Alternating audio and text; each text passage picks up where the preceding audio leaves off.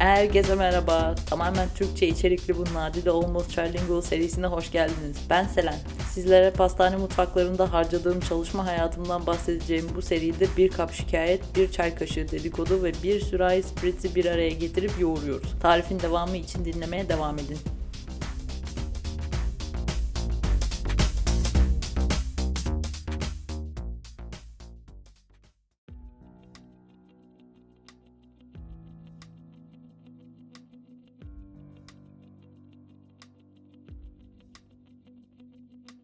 Merhabalar, mutfak dedikodularına hoş döndünüz. Ben Tornati. Çok da ilginç değil ama tam bir hafta sonra yeni bölüm çıkarmayı başaramamış oldum. Ve bu daha ilk gecikme yani. Kim bilir gelecekte neler olacak. Neyse ama en azından sadece bir gün gecikmeli olarak kaydı salıyorum. Page Person için bu ve takip eden bir iki hafta daha sürecek şekilde yeni çalıştığım yere yaptığım hızlı geçişi anlatan birkaç bölüm oluşturdum. O yüzden hazır bütün bu olaylar tazeyken sizlere de biraz bahsedeyim dedim. Ama bu sırada eski iş yerinden şikayet etmek suretiyle konudan biraz sapmış olabilirim. Neyse e, bir yere kaçmıyorum. Olayların devamı gelecekte zaten sizinle olacak. Böylece boğazımı ısıtmış oldum. Artık konuya girebilirim sanırım. Olay şu. Ben bu sene hayatımın kritik iş geçişlerinden birini yapmış oldum. İki senedir kanlı kavgalı bir şekilde çalışmakta olduğum işimden ayrılıp sadece bir ay ara vermek suretiyle hemen bir başkasına geçtim. Ve sizlere bu haftalarda bundan bahsetmek istiyorum. Şöyle ki ben eski çalıştığım yerden çıkacağımı çok uzun zamandır biliyordum zaten. Yani kaçmak istiyordum. Çok çok bunalmıştım. Sadece düzgün bir geçişe ihtiyacım vardı. Aşırı stratejik de düşünemedim ya yorgunluk ve o bunalım haliyle. Olay daha çok bir ay önce oradan paçayı kurtarmaktı genel olarak ve işten ayrılmak istediğimi kendilerine Haziran'ın ilk haftası bildirdim bu şekilde. Bir de resmi olması için online bir platformdan bildirim yapmak gerekiyordu. Onu da çıkış gününden bir ay önceye denk getirecek şekilde yaptım. E, ve işte benim kontratım için o süre gerekiyordu en azından. Resmi olarak 1 Ağustos son günüm olacak dedim. Temmuz'un sonuna kadar da normal bir şekilde çalışmaya devam et. Başlangıçta çıkacağımı söylerken aklımda belli bir plan yoktu. Ağustos ayında aileleri ziyarete gideriz fırsat çıkmışken diye düşündük ve dönünce de iş başvurularını hızlandırırım diye düşünüyordum. Zaten çevreye CV gönderiyordum ama ben dönene kadar bir şey çıkmaması halinde artık kapı kapı dolaşıp sorma yoluna gidecektim. Buraya ilk geldiğimde de öyle yapmıştım zaten. Üzerinde şehirdeki tüm pastanelerin yıldızlı olduğu bir harita vardı. Sırayla neredeyse hepsine gittim. Sonunda ilginç bir şekilde yine online bir başvurudan iş bulmuş oldum ama her türlüsü de insana çabalamış hissi veriyor.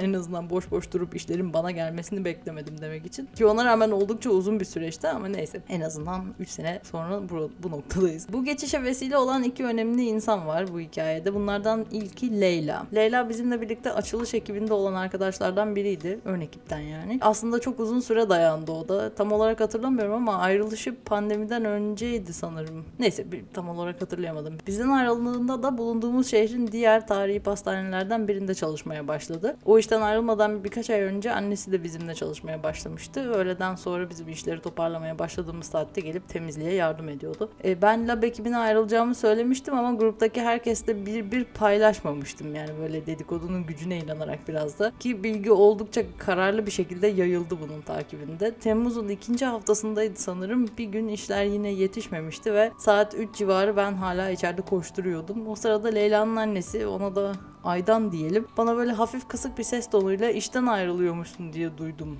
diyerek geldi. Klasik neden gidiyorsun sorusu ya da işte daha sonra ne yapacaksın gibi şeyler de sordu. Ben de çok büyük bir heyecan göstermeyecek şekilde onayladım ve tam olarak bilemediğimi söyledim. Bir iki e, aman iyi yapıyorsun git kendini kurtar falan gibi yorumdan sonra bana dedi ki başka iş buldun mu arıyor musun Leyla ile konuştun mu falan böyle. Ben de henüz aktif olarak bilgiyi yaymadığımdan bahsettim ama kendisi istersen ben bir mesaj atarım en azından tanıdığı yerlere haber salar dedi. Ben de işte teşekkür ettim dedim ilk fırsatta ben de yazarım o zaman ona vesaire. Aydan oldukça hızlı davranmış olacak ki hemen o günün akşamına Leyla bana bir mesaj gönderdi. İşte senin telefon numaranı eski çalıştığım yere yolladım. Bir bakarlar mutlaka diye. Bayağı şaşırdım ve heyecanlandım falan. Nasıl teşekkür edeceğimi gerçekten bilememiştim. O noktadan sonra her şey inanılmaz hızlı gelişti zaten. Araya hafta sonu girmişti ve pazartesi günü öğleden sonra da yoğun olup telefona bakamadığım bir gün oldu. Salı günü sabahtan telefonumda tanımadığım bir numaradan bir cevapsız arama gördüm. Detaylarına baktığımda aslında pazartesi de aramış olduklarını fark edince çıkınca böyle bir şüphelendim ve işten çıktığımda numarayı geri aradım. Gerçekten de onun çalışmış olduğu pastaneden arıyorlardı. Yani aynı hafta benimle iletişime geçtiler. Hatta böyle bir insan kaynakları kişisi aradı beni. Aman şu gün şu saat sana uygun mu bir görüşme yapmak istesek ne dersin falan dedi.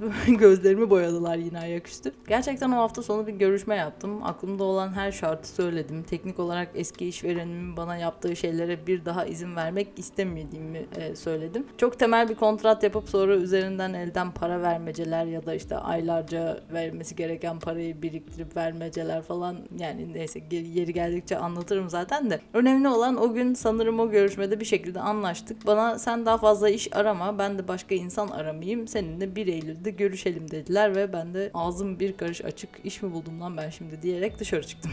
Pastry Person'da da söyledim bu beni gerçekten bir başka etkiledi. Çünkü daha önce hiç böyle düzgün ilerleyen bir iş geçişi deneyimim olmamıştı. Ve zamanlama sayesinde iş yerinden ayrılacağım tarihle yenisine başlayacağım tarih arasında tam bir ay olacaktı ve öncesinde ihtiyaçları zaten olmadığını söylediler. Ve ben de bu sayede izin derdi olmadan rahatça Türkiye'ye gidebilmiş oldum. Bayağı da uzun bir süre neredeyse. Bu yani iki senelik pandemi üzerine bayağı da iyi oldu. Bu sene mesela hala sorguluyoruz acaba seneyi iki haftalık bir tatil ayarlasak izin alma fırsatı olur muydu diye. Kimse bir şey söylemiyor baştan tabii. Neyse o görüşmeyi yaptıktan birkaç gün sonra mutfakta Aydan'la karşılaştık tekrar ve ona olan biteni anlattım. Yani böyle bir şeyin olduğundan haberi olan bir tek o vardı mutfakta. Ama arada neler oldu, kimler ne öğrendi, hangi bilgiler nasıl taşındı hiç bilmiyorum. Temmuz'un sonuydu artık işten çıkmama neredeyse 3-4 gün kalmıştı. Ve içeride mutfak sorumlusu arkadaşımla öylesine sohbet ediyordu. Benim işten çıkacağımı öğrendiğinden beri peki ne yapacaksın sonra işte peki sonra peki sonra ne olacak iş buldun mu falan gibi böyle olmadık zamanlarda sıkıştırıyordu. O sabah bir kere daha sordu dedim ki bilmiyorum.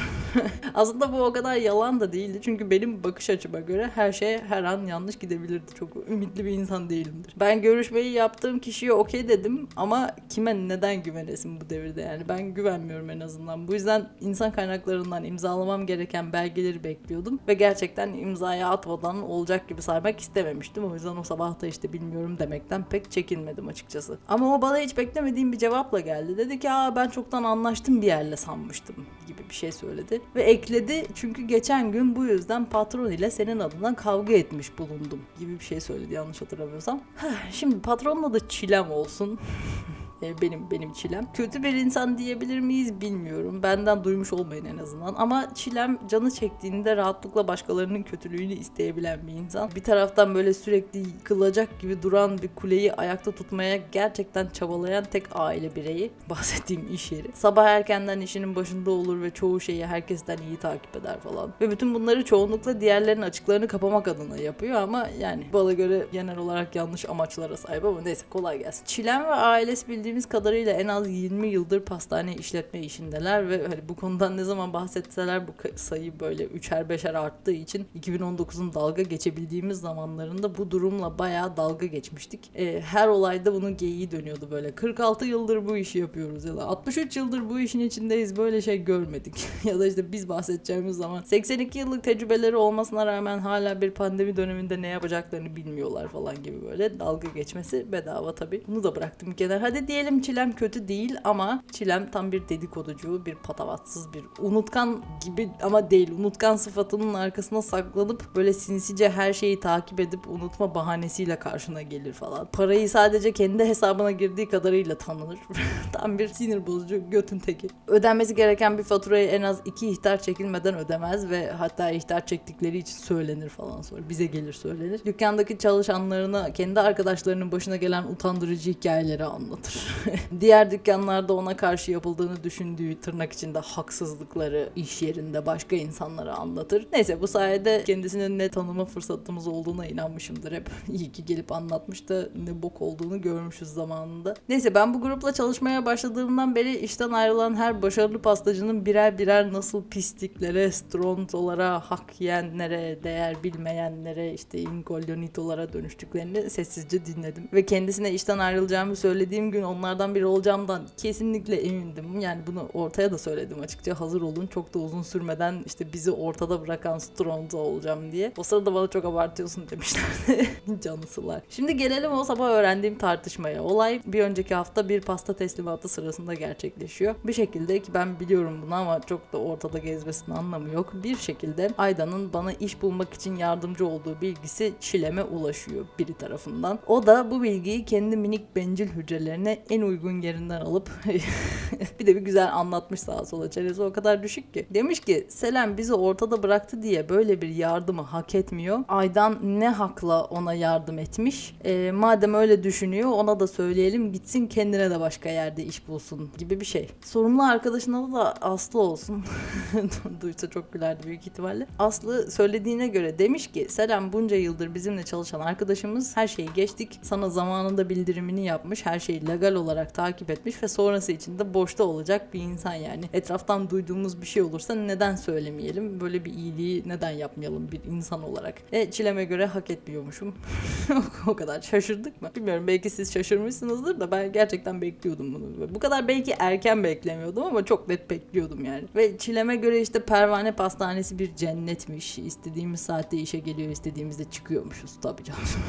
Zaten her şeyden biz şikayet ediyormuşuz. Hiçbir şeyi düzgün yapamıyormuşuz. Ben başka bir pastaneden bana 200 euro daha fazla verecekler diye onlara ihanet ediyormuşum canım ya. Bu arada bana yapılan kontratla ödenen paranın tutarsızlığını da bu iş görüşmesini yaparken tekrar ortaya çıkarmış olduk. Hani benim yıllardır süren savaşımın bir parçasıydı ama neyse yeni iş görüşmesine gittiğim zaman yaptığım ve benden beklenen iş karşılığında yeterince para almadığımı düşünüyorum gibi bir şey söylemiştim. Bana da orada adam dedi ki 1200 euro az mı ne diyorsun sen? Ben de dedim ki hangi 1200 euro?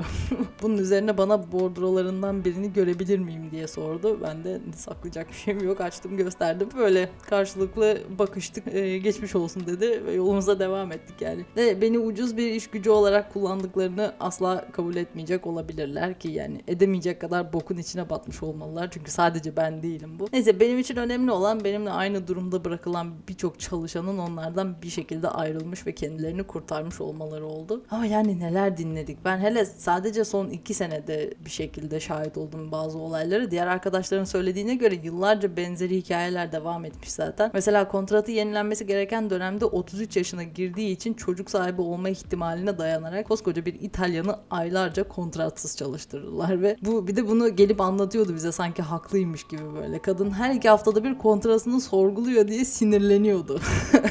ve yani sonunda işten ayrıldı. Ne oldu? Bu yaşta başka yerler onu niye işe alsınmış? Tam doğurgan dönemiymiş. Kadın mükemmel bir şekilde onlardan paçayı kurtardığından bir hafta sonra iş buldu ve hala da çocuk sahibi değil bu arada. Neden olsun zaten sadece o gerizekalı öyle düşünüyor diye. Ama neyse o artık bir Stronta. O vezirler ailesini ve iş yerini yarıda bırakan bir mahlukat sadece. Ee, yeni bulduğu işi de büyük ihtimalle hak etmiyordu değil mi? Neden? neyse başka biri daha aynı dönemde ayrılmıştı. Çalışma koşulları ve üzerindeki pastacı tarafından neredeyse şiddet görme seviyesine gelmiş bir durumdaydı. İşten ayrıldığında ne oldu? Bir Stronzo, bir deficiente, bir işin ucundan tutmayı bilemeyen işte hatta yani öyle bir yere geldi ki olay kendisini ona doğru bıçakla gelen birinden savunamayan bir zavallı öyle düşünün. Ve o da başka iş bulmayı hak etmiyordu doğal olarak. Memleketine döndüğünü duyunca falan rahatlamışlardı böyle. Biz hepimiz ter döktük onu, o muhabbeti dinlerken. Hiç kimse de bir şey söylemiyordu. Hani etrafımda kadının dilinden konuşan insanlar ona karşı bir şey söylemiyorlardı ve ben kendimi çok üçüncü, dördüncü tekerlek gibi hissettiğim için araya giremiyordum zaten. Neyse ne diyordum ben? Ben yeni bir işe girdim. Haha. Neyse durun. Ee, bitirmeden önce size biraz yeni geçtiğim yapıdan da bahsedeyim de geleceğe referans olsun. Eylül'de çalışmaya başladığım yer oldukça tarihi bir pastane. İçeride 1836'da yapılmış bir taş fırın var. Binanın temeli o neredeyse yani. Ekim'in başından beri de aynı gruba bağlı bir restoranın pastacısı olarak çalışıyorum. Oranın içinde de bir kemer blok parçasında kazınmış 1830 tarihi bulunuyor. Tarih kokuyor. Bizim bölgenin başka bir şehrinde popüler olan bir çikolatacı birkaç sene önce şehirdeki en büyük kafelerden birine devralarak bu sahneye iddialı bir giriş yapmıştı. Ondan yaklaşık bir sene sonra bu pastaneyi de aldılar. Sonra araya pandemi girdi ama bu senenin ilk çeyreğinde de bu restoranı ele geçirdiler bir şekilde. Beni de işte en son oraya transfer ettiler. Kendileri pislikleriyle yeni bir menü oluşturduk. Şu an yeni tatlı menüsünden ben sorumluyum. Bakalım gelecekte ne olacak. Evet yani gelecek bölümlerde her birini ayrı ayrı tanıma fırsatınız da olacak. Hem Pervane Pastanesi'nden insanlar, Pervane Pastanesi'nin kendi pislikleri ve aynı zamanda yeni grubun pislikleriyle sizlerle olmaya çalışacağım. Şimdilik sizi bu bilgilerle bırakıp gidiyorum. Bir sonraki bölümde görüşmek üzere.